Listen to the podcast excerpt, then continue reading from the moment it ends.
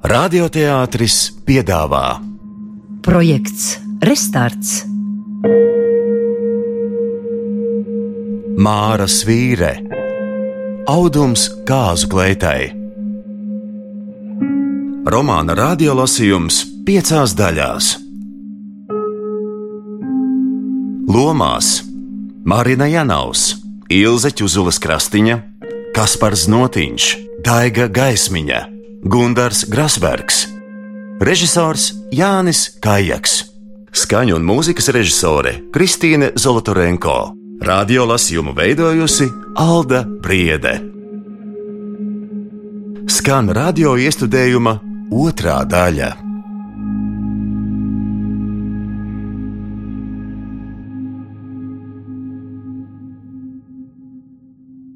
Vīzma vairs negaida, kad pionieru sauksmes redaktore Violete kaut kur sūtīs, bet brauc uz pilsētas pionieru nometni vai jūrmalu, pat ar autobusu uz stopiņiem, kur mazās lauku skolas bērni strādā izmēģinājumu lauciņā. Jāraksta, ka pionieri, protams. Daļa ir pionieri, melots nav. Kad Vizma aiznes kadriņu bērnu redakcijas vadītāja ģērmani paslavē, viņa esot viena no labākajiem ārštata korespondentiem. Jautā, vai būtu ar mieru strādāt štatā. Kadru daļā iedod anketu. Četrās lapas pusēs jāatbild uz daudziem jautājumiem. Sociālā izcelšanās. Vismaz zina, ka jāraksta no strādniekiem, lai gan tēvam piederēja ķēve un normaņa rati. Partijas piederība. Visma ievelk svītriņu.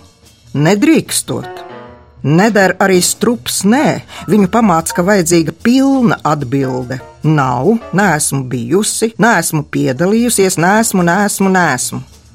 Taču komjaunieta gan esot. Vai sastāvējis partijā, buržuāziskās Latvijas laikā? Vizma paskatās kadru daļas priekšniekā.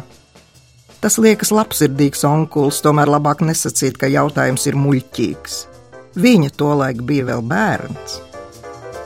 Viņš saprot pats un diktē. Nesmu sastāvējusi. Tālāk vēl trakāk. Ko darīs vācu okupācijas laikā? Vai ir radi ārzemēs? Kad atbildēts arī par sodāmību un apbalvojumiem, kuru, protams, nav, tad vēl jautājumi par tēvu, māti, māsu, brāļiem. Beidzot, Vizma parakstās un ceļas kājās, bet kadru daļas priekšniekam ir vēl viens jautājums. Kā būs ar mācībām universitātē? Augstākā izglītība esot vēlama, pat nepieciešama, taču darbu kavēt nedrīkstēšot. Es pāriešu neklātienē. Lēmums ir acu mirklīgs, bet zemapziņā droši vien auklēts kopš kārļa pazušanas. Un nebūs vairs ne līdzjūtīgu, ne greizu skatienu, Neviens neies garām, izliekoties, ka neredz.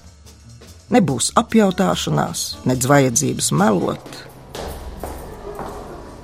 Īsti pieņemta darbā viņa tomēr neskaitās. Vēl jāiet pie lielā priekšnieka, radioinformācijas komitejas priekšsēdētāja Indriča Lēmaņa. Vizma saņemas, liek soli pa solim, liek stūlīt paklups, bet nē, attālums sarūk, seja kļūst lielāka, iegūst vaipstus. Kad vizma tikusi līdz galdam, priekšnieks paceļas un izšauj pretim roku. Spiediens ir pagļēvs, un vizma atbild tāpat. Lielā priekšnieka mazās blāvās atšķēlis žigli kā skudrs aptekā vizmas seju, kaklu, krūtis, tad viņš nokremšļojas un ieskatās kādos papīros, kas priekšā uz galda, laikam kadru daļā aizpildītajā anketā. Skaidri redzams rituāla labad, jo iepriekš jau tā ir izpētīta. Divi kursi bibliotekāros, nevis žurnālistos. Viņš runā klusi, it kā pats sev. Vismaz sirds pamirst. Viss. Tūlīt pateiks, lai iet no kurienes nākusi. Biedrina ģērmane par jums labi atsaucas. Tomēr mācīties vajadzēs. Radio ir ideoloģiska iestāde, un bērnu redakcijai sevišķs uzdevums - audzināt sociālismu cēlāju jauno maiņu, padomju patriotisma garā. To paturiet prātā. Vēlu sekmes. Ja novēlas sekmes, tad tas nozīmē, Tas nozīmē, ka pieņemta darbā. Vai tāpat notikt, ja būtu veca un neglīta? Bērnu raidījuma redakcija atrodas trešajā stāvā, ja kāpj pa lielajām, lepnajām, lēzenajām trepēm. Roku balsts masīvs kā ķīnas mūris, plata, spoži lakota oša koka virsma, kurā ik pa gabalam iedzīta maza, nopaļota tapiņa. Kāpēc? Šeit taču nav palaidnīgu puiku, kas varētu šļūkt lejā, kā to bieži vien skolās dara. Otrajā stāvā jāiet garām krēslēnām, paneļiem graznotam gaitenim, kas ved uz priekšnieku kabinetiem. Kādreiz vienā sēdējis bankas direktors, bet otrā - kas? Trešajā stāvā pretim kāpnēm logi. Tiem met gaismu līdz pat lejai. Pa labi priekšstāv par vecu kamīnu, kurā pīpētāji paslepeni met izsmēķus, lai gan uguns drošības dēļ stingri noliegts. Durvis uz mūzikas un literāro raidījumu redakcijām Istabas esot gana grēznas ar skatu uz doma laukumu, īpaši radiomākslinieces kā vadītāja slavenā komponista Jāņa Ivanova kabinets. Tālāk pa šauru gaiteni pēdējo ziņu valstību. Ja paiet garām tai, tad nonāk pie otrām trepēm, pavisam vienkāršām, līdzīgām jebkurām dzīvojamās mājās. Kāpņu telpā gaitenis apmet loku, un tālāk ir bērnu redakcija, kurā var nokļūt arī no galvenajām kāpnēm, pagriežoties pa kreisi. Ej pa labi, nonāks pa kreisi, ej pa kreisi, nokļūsi pa labi melnās trepes. Noved līdz pat pagrabstāvam, kur atrodas skaņa ierakstu daļa ar tiem logiem, pa kuriem ārpusē var dzirdēt buratīnu. Pagaidām izmai tur nekas nav darāms. Jo magnetofona lentēs ieraksta tikai mūziku un lugas. Visus citus raidījumus diktori vai aktieri lasa pie mikrofona. Kā viņiem nesamežģīs mēlē? Sveiks, mans mīļais tētīti Karlo! tētīti Karlo! Tētīti Karlo! Tu man būsi tētītis Karlo, un es tavs buratīno. Tu taču teici, ka es visur gribot bāzt savu spico snīpīti. Starpība vienīgi tā, ka mans ir spits, bet buratīno sevišķi spits. Viņa tētītis Karlo māca, kā dzīvot, Tu arī mani apbēri ar labiem padomiem, es jutos kā cēlāns zem vistas spārna. Tagad domās prasu tev, kā rīkoties, tikai atbildēt vajag pašai. Patiešām esmu kļuvusi krietni patstāvīgāka. Tomēr, kad mēģinu iedomāties, kā dzīvot bez tevis, nē, nē, tas nav iespējams.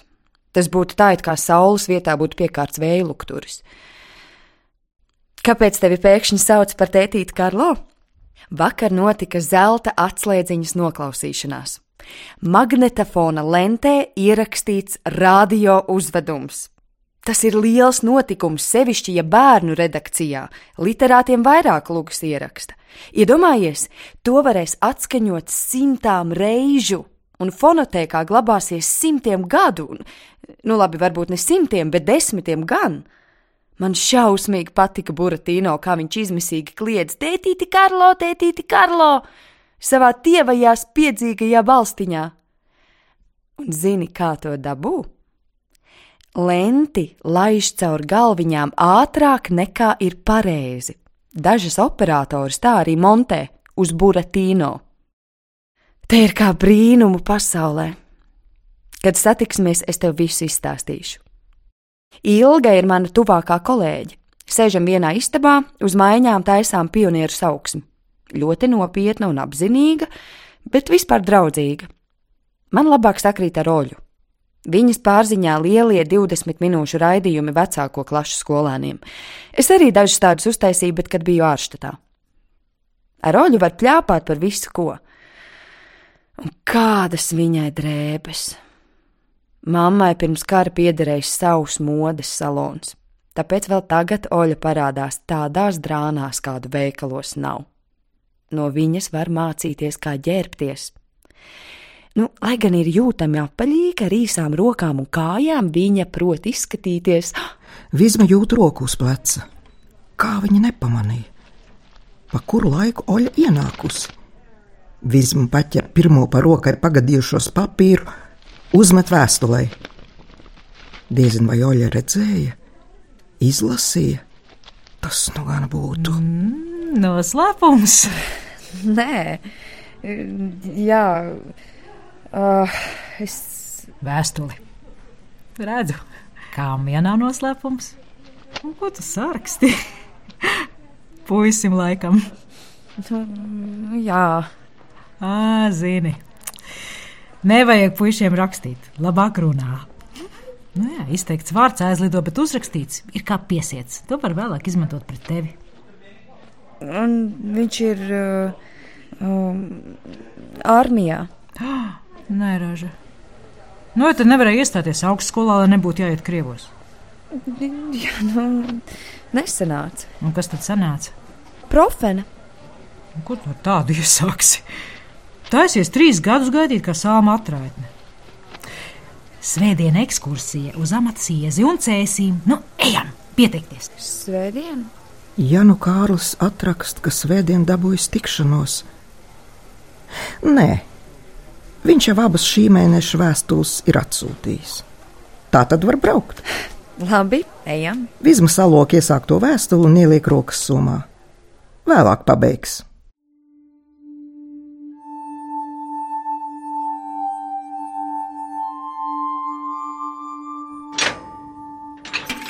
Dzels durvis klaudz, atslēgas žvadz. Viss, kas tīkliņā un somā, kontrolē jāizliek uz galda. Vismaz skatiens seko pārbaudītāju rokām. Tūlīt kaut ko noliks sāņus, kā neatļautu. Sviests krējums, cukurs, tēja, maize, siļķu rolmopši, kotletes, cigaretes prīma, vesels bloks. Par laimi atstāja visu. Ja būtu nopirkusi kagoru, viņu iemīļoto vīnu, saldu un smagu, skaidrs, ka to atņemtu. Visma pārkāpj pār slieksni un nedzird, vai aiz muguras noskrapst vēl viena atslēga vai nē. Viņa pēkšņi ir stiprās, siltās rokās, kārļa rokās. Viņš nesaka nevienu vārdu.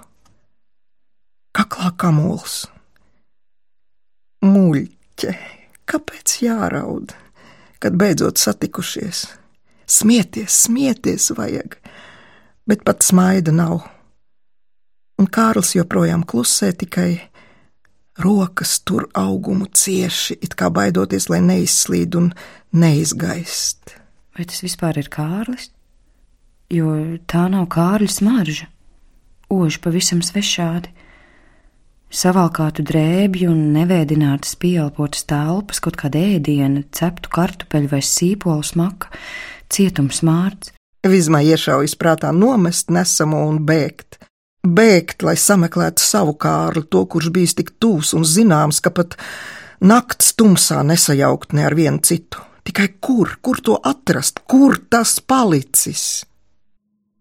Beidzot, Kārlis mazliet atvirzās, lai varētu ieskatīties sejā, tad pielietas un vispirms vieglītēm pieskaras lūpām, kā glāstīdams, kā jautādams vai atvedinādams atmiņā. Kārli, kur tad tev rūsas? Viņš smaida, nesaka neko, pieliecas un skūpsta ilgi, dziļi, kā agrāk. Jā, beidzot ir Kārlis.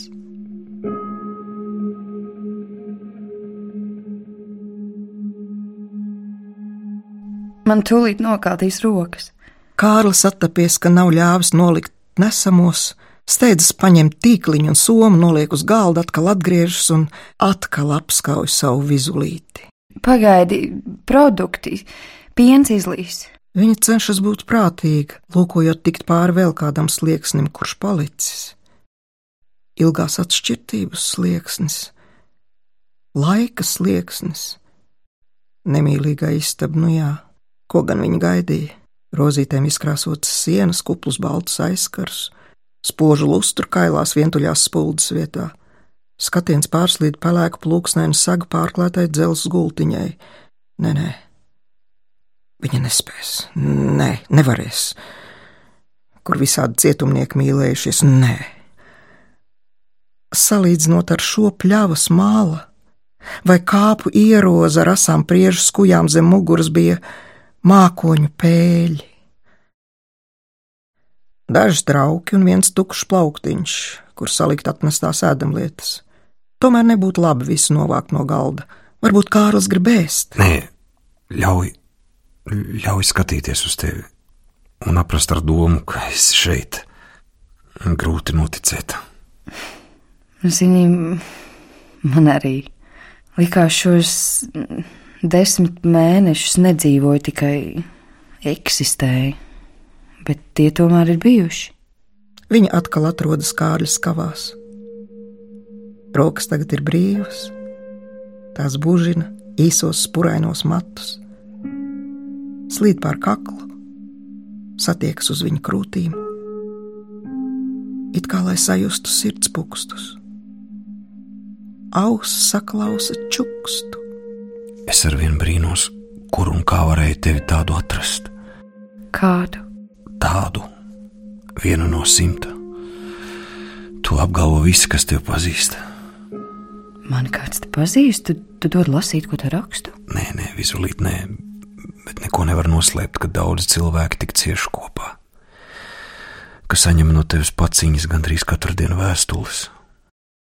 Tie, kas ārā, tos, kas šeit no acīm prom, parasti izmet arī no sirds. Tāda ir skarbā īstenība. Vismai gribas zvērēt, ka viņa nekad, ne mūžam, bet vārdi kaut kā nevirknējas, tie skanētu tukši, tāpēc labāk nesacīt neko, vienīgi pieglausties ciešāk.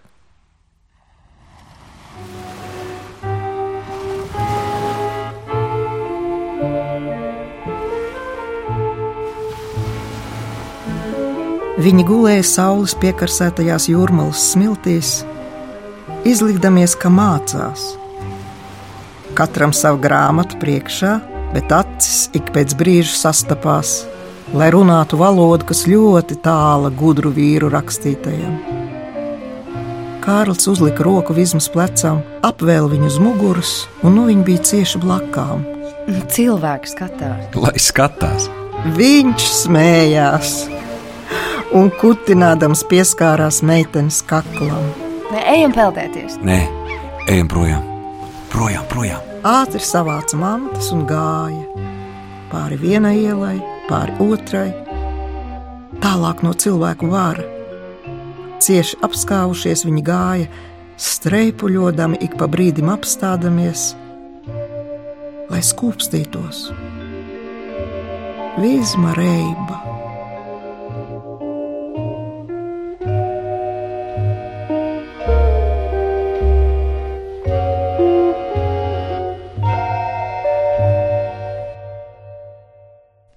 Šodien tāda kā nekad.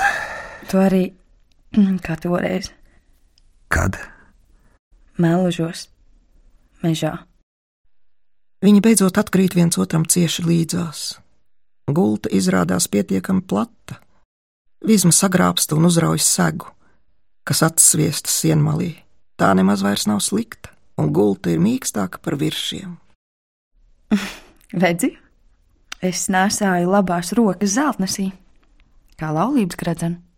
Un tā jau tika dāvināts, kā sievai. Kamēr to valkās, zināšu, ka esi mana. Varbūt, varbūt mums, um, varbūt mums vajadzētu apprecēties oficiāli. Ir taču iespējams šeit, tad man nevajadzētu mānīties. Vispār nu, būt vienkāršāk. Un ko tev mājās teiktu? Māmīte sapratīs. Tante, protams, atkal klaigās, ka es aprūku savu jaunību, bet Tēvs vismaz neapsaukās. Visādos vārdos, kad pilnā. Bet tu gribēji kāzu kleitu, garu, baltu. Kā tad? Bērnības sapnis. No biezā zīda, lai skaisti krīt, un podziņas mugurpusē, apvilktas ar drānas spīdīgo pusi uz augšu, noskatīja māsītes iesvētībās. Kā pērlīts par visu muguru man likās šausmīgi skaisti. Protams, skaisti. Kāpēc jāatsakās? Vai tad, vai tad te? Nu, nē, tur, ārā. Pēc desmit gadiem. Kaut gribas.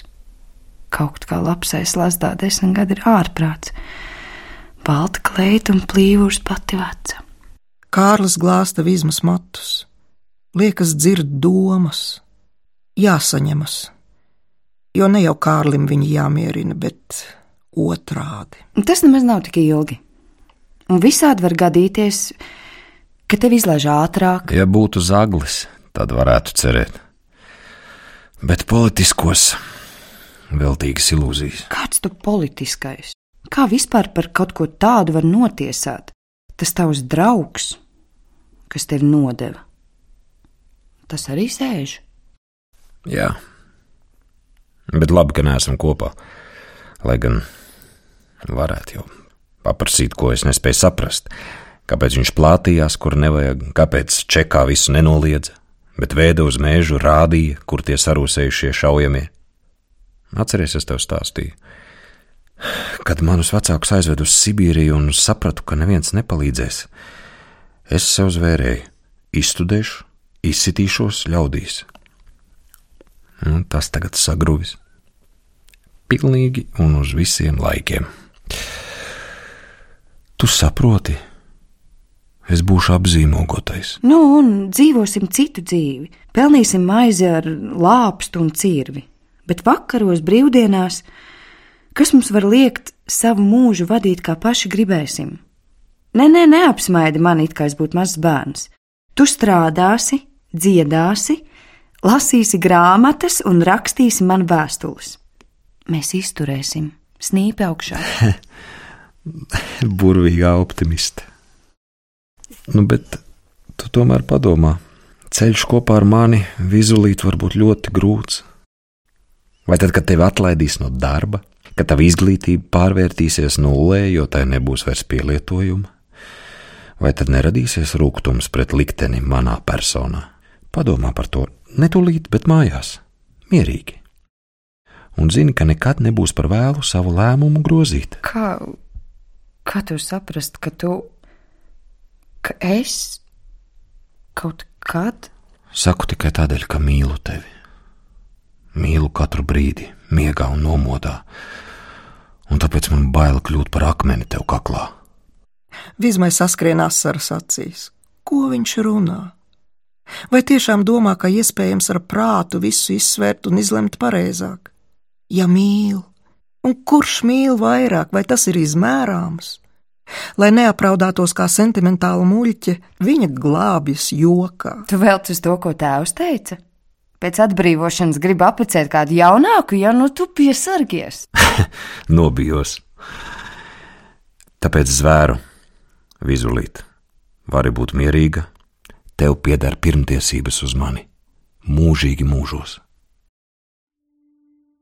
Vagonu parka pieturā iekāpus vilcienā vizma apsēžas pie atvērta loga. Ceļvējš plivina matus. Mūžīgi mūžos. Nav vairs tik briesmīgi kā garajās neziņas pilnajās 289 dienās. Viņi satiksies. Reti, jā, tikai reizi mēnesī, bet vēl būs īsās tikšanās. Lai arī zaldātu uzraudzībā, kad vairāk drīkst runāt rokas un acis nekā lūpas. Un tomēr vēstulēs varēs plāpāt ar Kārli katru dienu, gaidīt atbildes divreiz mēnesī.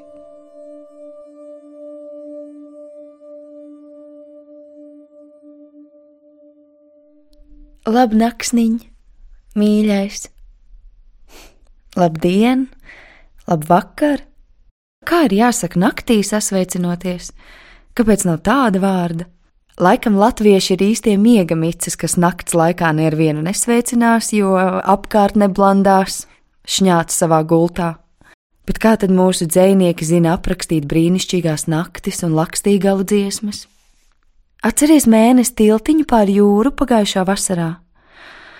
Es gribētu klusā, mierīgā pilnmēnesī būt, kur lielu pietek jūrā. Varbūt mēs ieraudzītu divus mēnesi tiltiņus reizē, vienu upē, otru jūrā. Neko tādu savā mūžā neesmu redzējusi. Un tu? Jūtu vēl tavas rokas, tevi pašu, tavas lūpas. Tikko saklāju guļvietu uz mūsu divāniņa. Man vienai tur daudz par daudz vietas. Redakcijas vadītāji pavēstīja, ka apspriedē pie priekšsēdētāja nolemts taisīt divu stundu raidījumus par republikas rajoniem, par turienes rūpniecību, lauksaimniecību, pašdarbību. Pionieru sauksmei arī jābūt. Pirmais par Prēļu rajonu ar balsu ierakstiem. Trīs dienu komandējumā braukšot vairāku redakciju darbinieki. No bērniem Vizma jaunadēļ, trešdien, ceturtdien, piekdien. Būšot izdevība parādīt, ko spēj. Kārli, tas nozīmē, ka nākamā trešdiena netikšu satikšanos. Īso tikai pie galda tomēr. Kad atkal atļaus? Pēc divām nedēļām?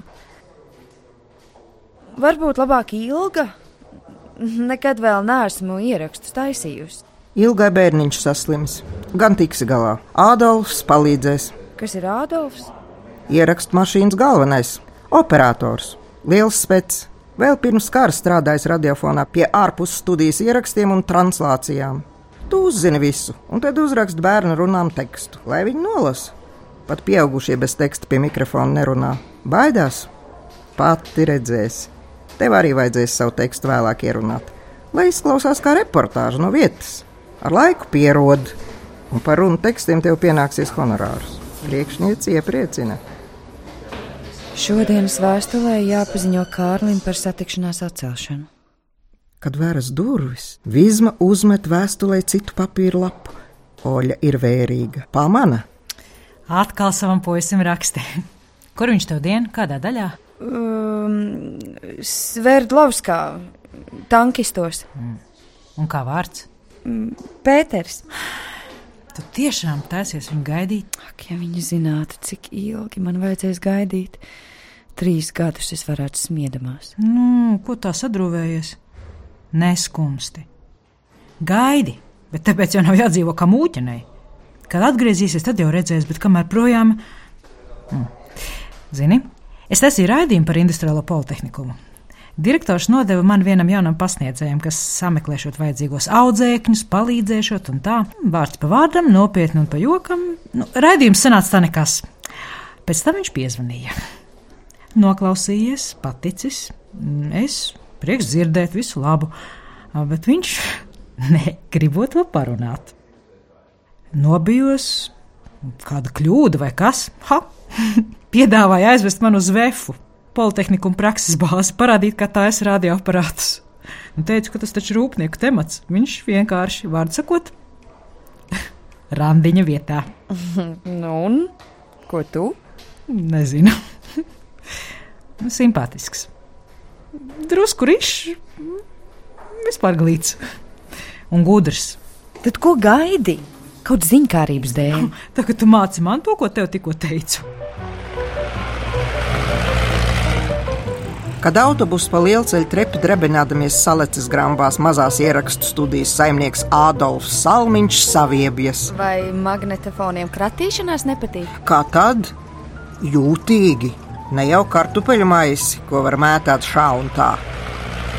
Ādolfs uzliek roku uz lielās metāla kastes stiklotā vāka. Jauni, nesen iemontējām mez divi, tieši kā lielajās studijās. Kad izgājušo gadu pirmos saņēmām, pats augstais priekšnieks nonāca lejā apskatīt. Līdzi cienījamais komponists Jānis Ivanovs. Nu, tad šie pienāk pie magnetofona, sasveicinās, roku man padod, uzlieku lenti uz šķīviem, nospiež pogu, tie sāk griezties, teksts aiziet. Pēkšņi Ivanovs paceļ šito vāciņu labajā stūrī, zem tā iedobe, kurā lenšu līmes pudelīte. Tobrīd līme vēl nebija ielikta. Paskat, tik komponists nopriecājas. Te paredzēti pat pelnu trauki. Ādolfs ieķiķinās. Ko var gribēt no cilvēka, kam ar tehniku nekādu sakaru? Smejas arī Kristaps Pelša no lauksaimniekiem. Priekšnieki vispār dīvaina tauta. Reiz viņš piezvan uz vienu kolhozu un saka: Zvana no rādio, rīt pie jums ieradīsies Pelša, apskatīties, kā pildāt piektās piecgades uzdevumus. Tajā galā klusums. Halo, halo! Tur izdveš, ko nu mēs neesam pirmrindnieki. Bet Pelša saka: Nekas, Tie diezgan slavus dabūjuši. Kaut ko arī pie jums atradīsim. Un ko atradāt? Skolniekus ar puķītēm uz kantora ēkas trepēm. Pats kolhoza priekšsēdētājs izskrēja sagaidīt, ēdnīca slēgta, iekšā tāds galds uzklāts, oi, oi, oi! Sapratuši, ka pelše no partijas centrāla komitejas ieradīsies. Turpmāk viņš vienmēr skaidri teica: Zvana radio korespondents Kristaps Pelše. Viss kārtībā. Pie Prēļu rajona partijas komitejas, kur autobuss apstājas bērnu, ar ziediem nav. Tomēr pirmā sekretāra kabinetā radiodarbinieku brigāde ieved, uzaicina apsēsties pie tukšā apspriežu galda un iepazīstina ar vietējiem biedriem, kas atbildīgi par rūpniecību, lauksaimniecību izglītību. Un kultūra? Noprasa Aijas Malcāna no literātiem. Mums sarunāts pašdarbnieku ieraksts kultūras namā, rīt derēt pie silajāņu keramiķiem, parīt uz Raņa jasmuižu. Silajāņi, tur ar autobusu neiebrauksiet. Latgales māls vispār ar mašīnu nevar, un nav ko popularizēt, nodarbojas ar aizliegtu rūpalu.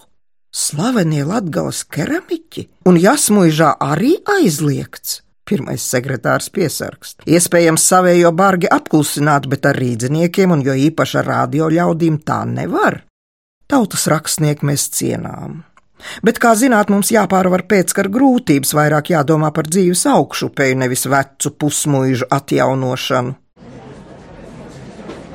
Klau, kāpēc mums jādanco pēc tā jefiņa stabulas? Sastādām savu programmu, saka Aija, kad viņi visi restorānā pasūtījuši karbonādi, gaida, kamēr to cep. Kad vēl tāda izdevība radīsies, jūs saprotat, nevienā rajonā nekā sila jāņem līdzīga nav. Raidījumam ļoti noderētu. Uz sila jāņem nebrauksim, izlemj Donats, kurš skaitās grupas vadītājs. Rītdien notiek kā norunāts. Parīt varētu braukt nevis Rīgas virzienā, bet uz Daugaupils pusi. Izmest līkumu gar Aglonu - 18 km. Ivars klikšķina fotoaparāta slēdzi, iemūžinādams aglons baltos torņus, kur cildeni valda pār apkārtni. Dievnama durvis slēgtas, Antona pūlis atrast kādu dzīvu dvēseli, veltīgas. Viņš vedina aiziet līdz dziednieciskajam avotiņam un padzerties. Rāda padrūmu divstāvu ēku, vēl neseno klosteri. Svētie tēvi izdzīti, tagad tur profenes zēnu kopmītne vai kaut kas tam līdzīgs. Ceļa malā krucifiks, pusvaļējā telpā, līdzīgā lapenei jumts pāri, grīda, divi pakāpieni no zemes.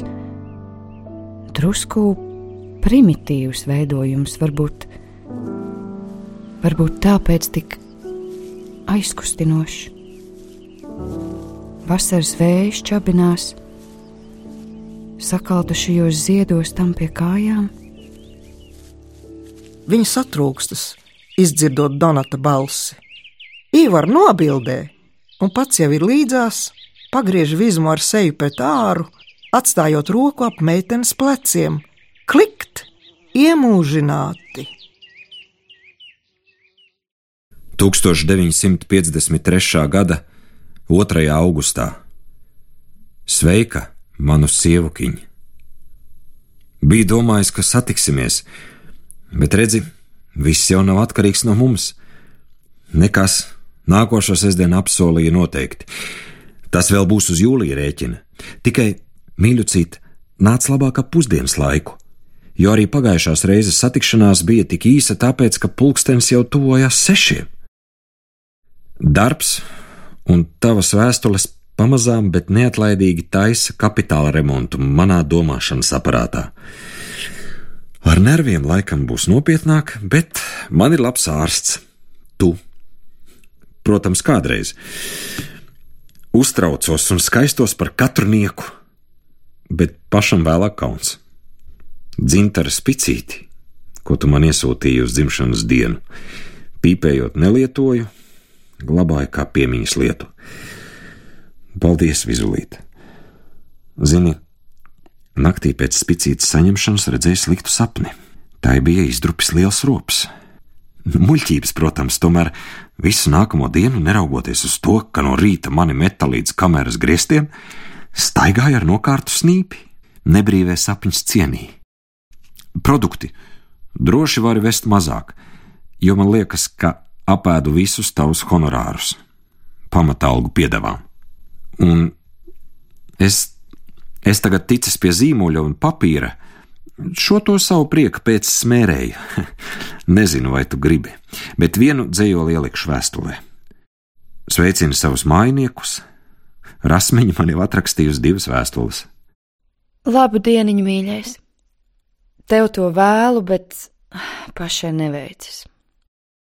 Vakar divas stundas mocījos ar raidījumu par pilsētas un lauku pionieru draudzību. Kaut kā neiznāk. Vajag, lai būtu dzīvā valodā, ar bērnu dialogiem un visnotaļ pozitīvi, bet temats taču stulbs, nu kāda draudzība. Aizbrauc vienu pie otriem, paspēlē volejbolu, uzstājas kopīgā sarīkojumā, visa draudzība. Nelaime tā, ka mēs nedrīkstam runāt par negatīvām parādībām bērnu dzīvēm jāraksta tikai par labo, un, un tas bieži vien ir daudz grūtāk. Vakar tēvs atkal atnāca kunga prātā un, kā parasti, sāka kasīties. Labi, ka par maniem ienākumiem viņam nav nejausmas. Izņemot tevi, neviens īsti nezina, cik es saņemu, un nav arī viņiem jāzina. Bez jēgas netērējos, jo, kad tu iznāksi, mums daudz ko vajadzēs. Vispirms, kur dzīvot, domāju, varbūt man jau tagad pameklēt kādu istabiņu tad tiktu prom no tās elītes, kas te valda. Tēvs kašķējas, mamma raud, rasmiņai viens pielūdzēs pēc otra, kad vakaros vēl nāk mājās, Tobis reja aizraudamies. Tā tad nav viena, ir vēl kāds svešs. Saprotu, ka man te vairs nav vietas. Par ko es gaužos? Salīdzinot ar tevi, kam katrs kumos rūkts un to, ko es pārdzīvoju, kaut varētu palīdzēt. Kādreiz, kad sakrājas tik pilna sirds, ka, ka gribas iziet uz ielas un kliegt pilnā kaklā. Viņi sēž viens otram pretim, katrs savā galda pusē. Šodien sarunas nevedas. Kārļa skatienā it kā nedrošība, vai jautājums, lūpas nodrab nervozā smaidā. Tev, tev kāds nepatikšanas? Nu, izstāsti. Ko man domāt par šo? Viņš noliek uz galda aglonas bildi, kurā donēta roka vizmai ap pleciem. Rasma atsūtījusi. Vīzma jūt, ka pilnīgi muļķīgi nosarkst. Droši vien Kārlis nodomā, ka tas ir vainas pierādījums. Taisnošanās izskatītos vēl aizdomīgāk. Viņa paķer fotografiju, grib saplēst, bet Kārlis ir veiklāks, izrauj no rokām. Bilde nav vainīga. Nes vien mājās. Vari ielikt rāmītī un turēt uz galda tās vietā, kur mēs abi. Kārli, cik tu esi netaisns? Skaidrs tavā atšķirtībā, vientulībā un citās nelaimēs visas maņas sakāpināts, bet kāpēc tu notici nezinu kam, tikai ne man? Tagad gaidi, ka taisnošos. Nē, nē, nebūs viss. Pat pirms bildes. Bieži par to domāju. Pat ja tu mani sagaidīsi, es tev un mūsu bērniem vilkšos līdzi kā rudiments, kaklā zarnas piedēklis, kuru ieteicams izgriezt, un jo ātrāk, jo labāk. Tāpēc, ja tev rodas gadījums, lūdzu, nelaid garām. Lai neapraudātos vizma iekož lūpu zobos. Kāpēc Kārlis grib atteikties no pēdējā salmiņa, pie kura turas? Ak, šeit to sauc par gadījumu. Mhm. Turpmāk zināšu. Neniknojies, mīlulīt. Tas ir loģiski. Tāpēc, ka tur, brīvībā, dzīve prasa savu. Manam draugam Indulim bez piecām minūtēm sieva palika ārā. Jau bijuši dzimstaraksts nodaļā pieteikties. Sākumā vēstules bieži, tad arvien retāk un retāk. Tagad pēc sešiem mēnešiem neraksta vairs nemaz. Darba biedra Emīla sieva nāca diezgan regulāri, nesa paciņas un tā tālāk, bet tad pirms nedēļas izlasīja avīzē, ka iesniegusi laulības šķiršanu. No šejienes nekādu piekrišanu neprasa, šķir automātiski. Todien pie darba paliku bez pārinieka, jo viņš nekur līdz nākamajam vakaram nebija atrodams. Redzi tādas tās lietiņas. Katrā pusē sava taisnība. Patiešām, kāpēc vienas dzīves vietā jāziedo divas? Kāpēc? Vismai gribas saņemt kārļa plaukstas, pieliekties un noskūpstīt tās, bet viņš ir nesasniedzami tālu, lai gan pavisam līdzās. Kārlim ir taisnība un nav. Viņa varētu runāt par mīlestības mūžu, par pienākumu, kurš to pavada. Bet viss izklausītos nepārliecinoši. Tāpēc, ka vārdi patiesībā ir tukša skaņa. Kārļa teikta apstrīdēšanai tie galīgi nedara.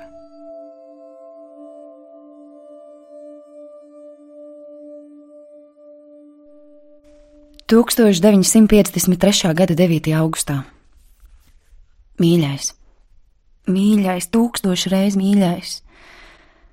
Kāpēc tu man to teici par gadījuma izmantošanu? Vai tiešām tā domā? Atteiktos no manis tik viegli un vienkārši?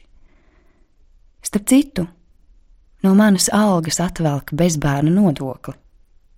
Vai mums šajā sakarā nevajadzētu kaut ko secināt? Vēl un vēlreiz.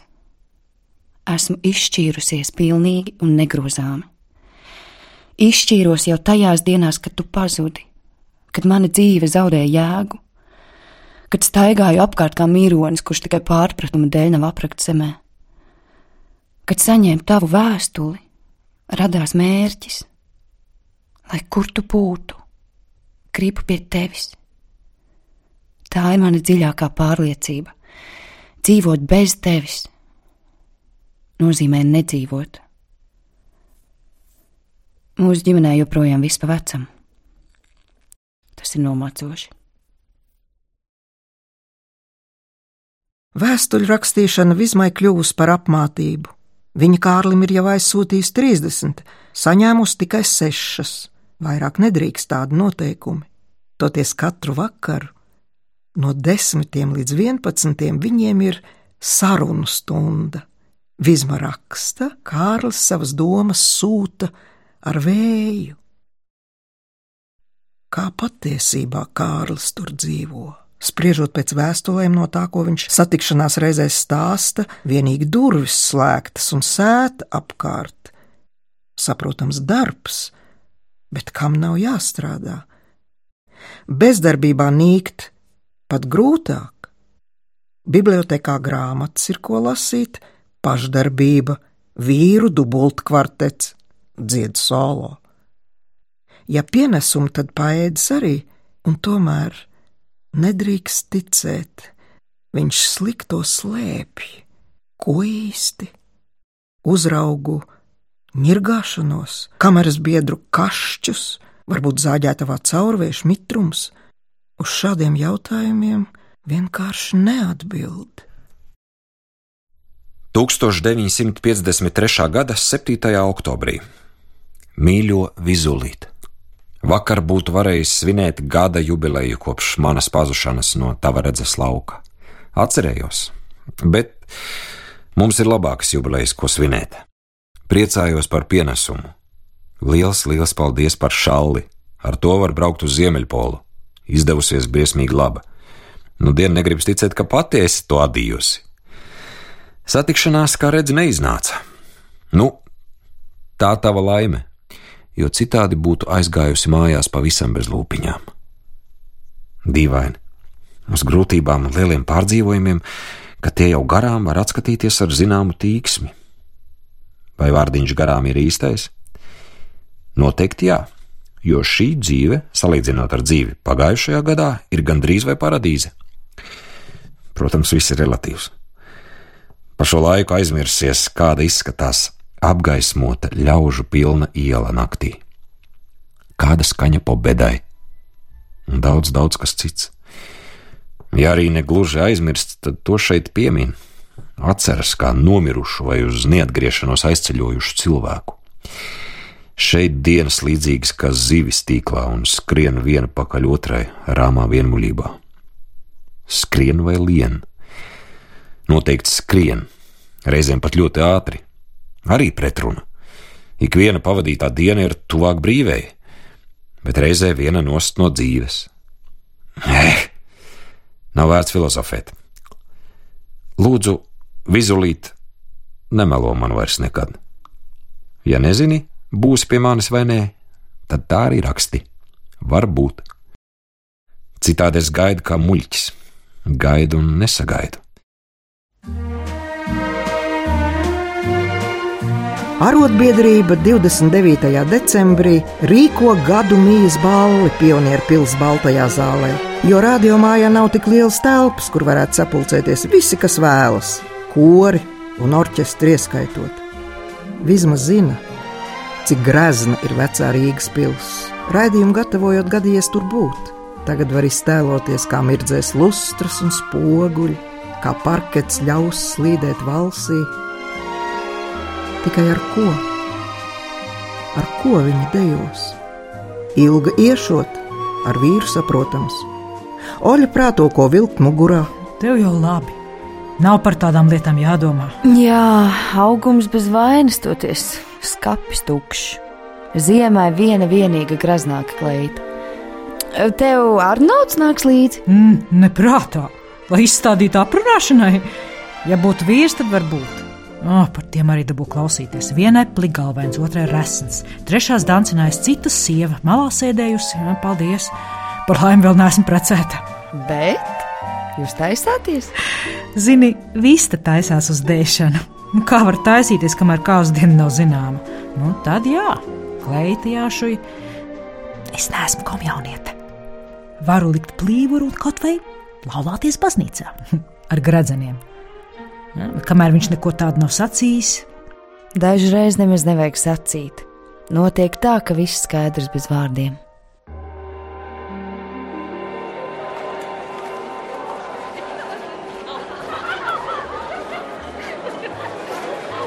Kādu laiciņu malā nostāvējusi, viņa izbrīnīti ierauga savā priekšā tehniķi Gunti Tilneru.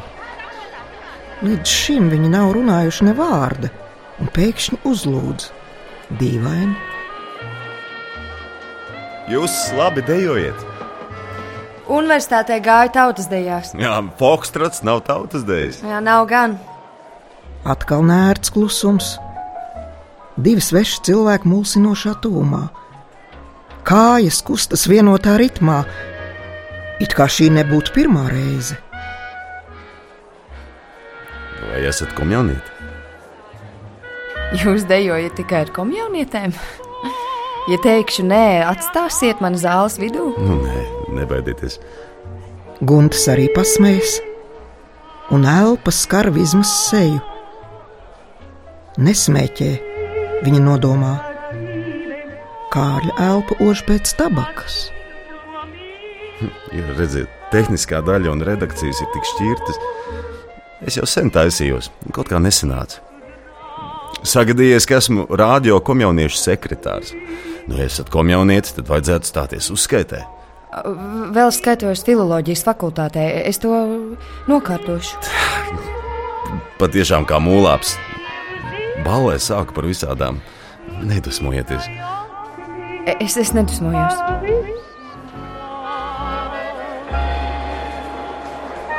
Tad nākamā dēļa atkal mana. Grēku izpirkšana. Mana vai jūsu? Tūlīt pēc jaunā gada viss nokārtosim, ja? Tikai nekreņķējieties. 1954. gada 1. janvārī.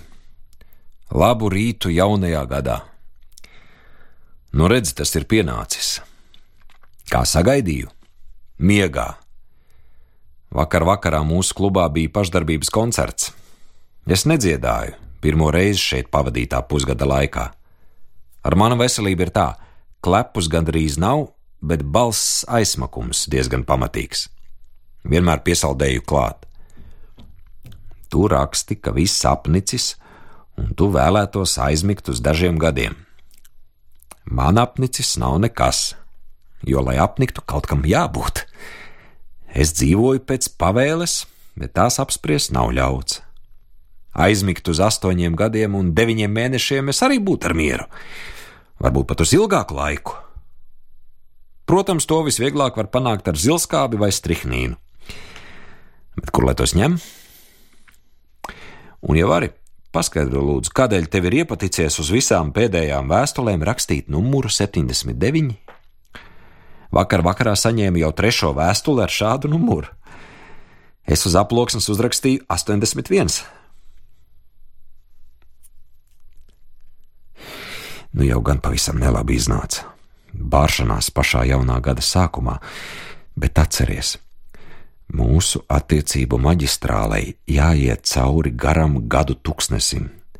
Tādēļ tai jābūt tērauda cietai un visā garumā vienmērīgi norūdītai, jo kādā vietā pārmērīgi pārkarsēta, tā var par daudz atdzist citā vietā, un rezultātā maģistrāla pārtraukta.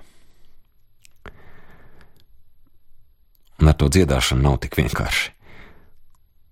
Vislabāk nedomāt, ko dziedi. Jebkura priecīga dziesma ir asā pretrunā ar mūsu atrašanās vietu.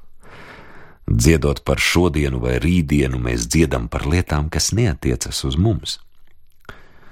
Atceries Krīlova fabulā. Tā lakstīgala nedzied, kas ir kaķa varā. Ļoti gribu satikties. Tuvumā.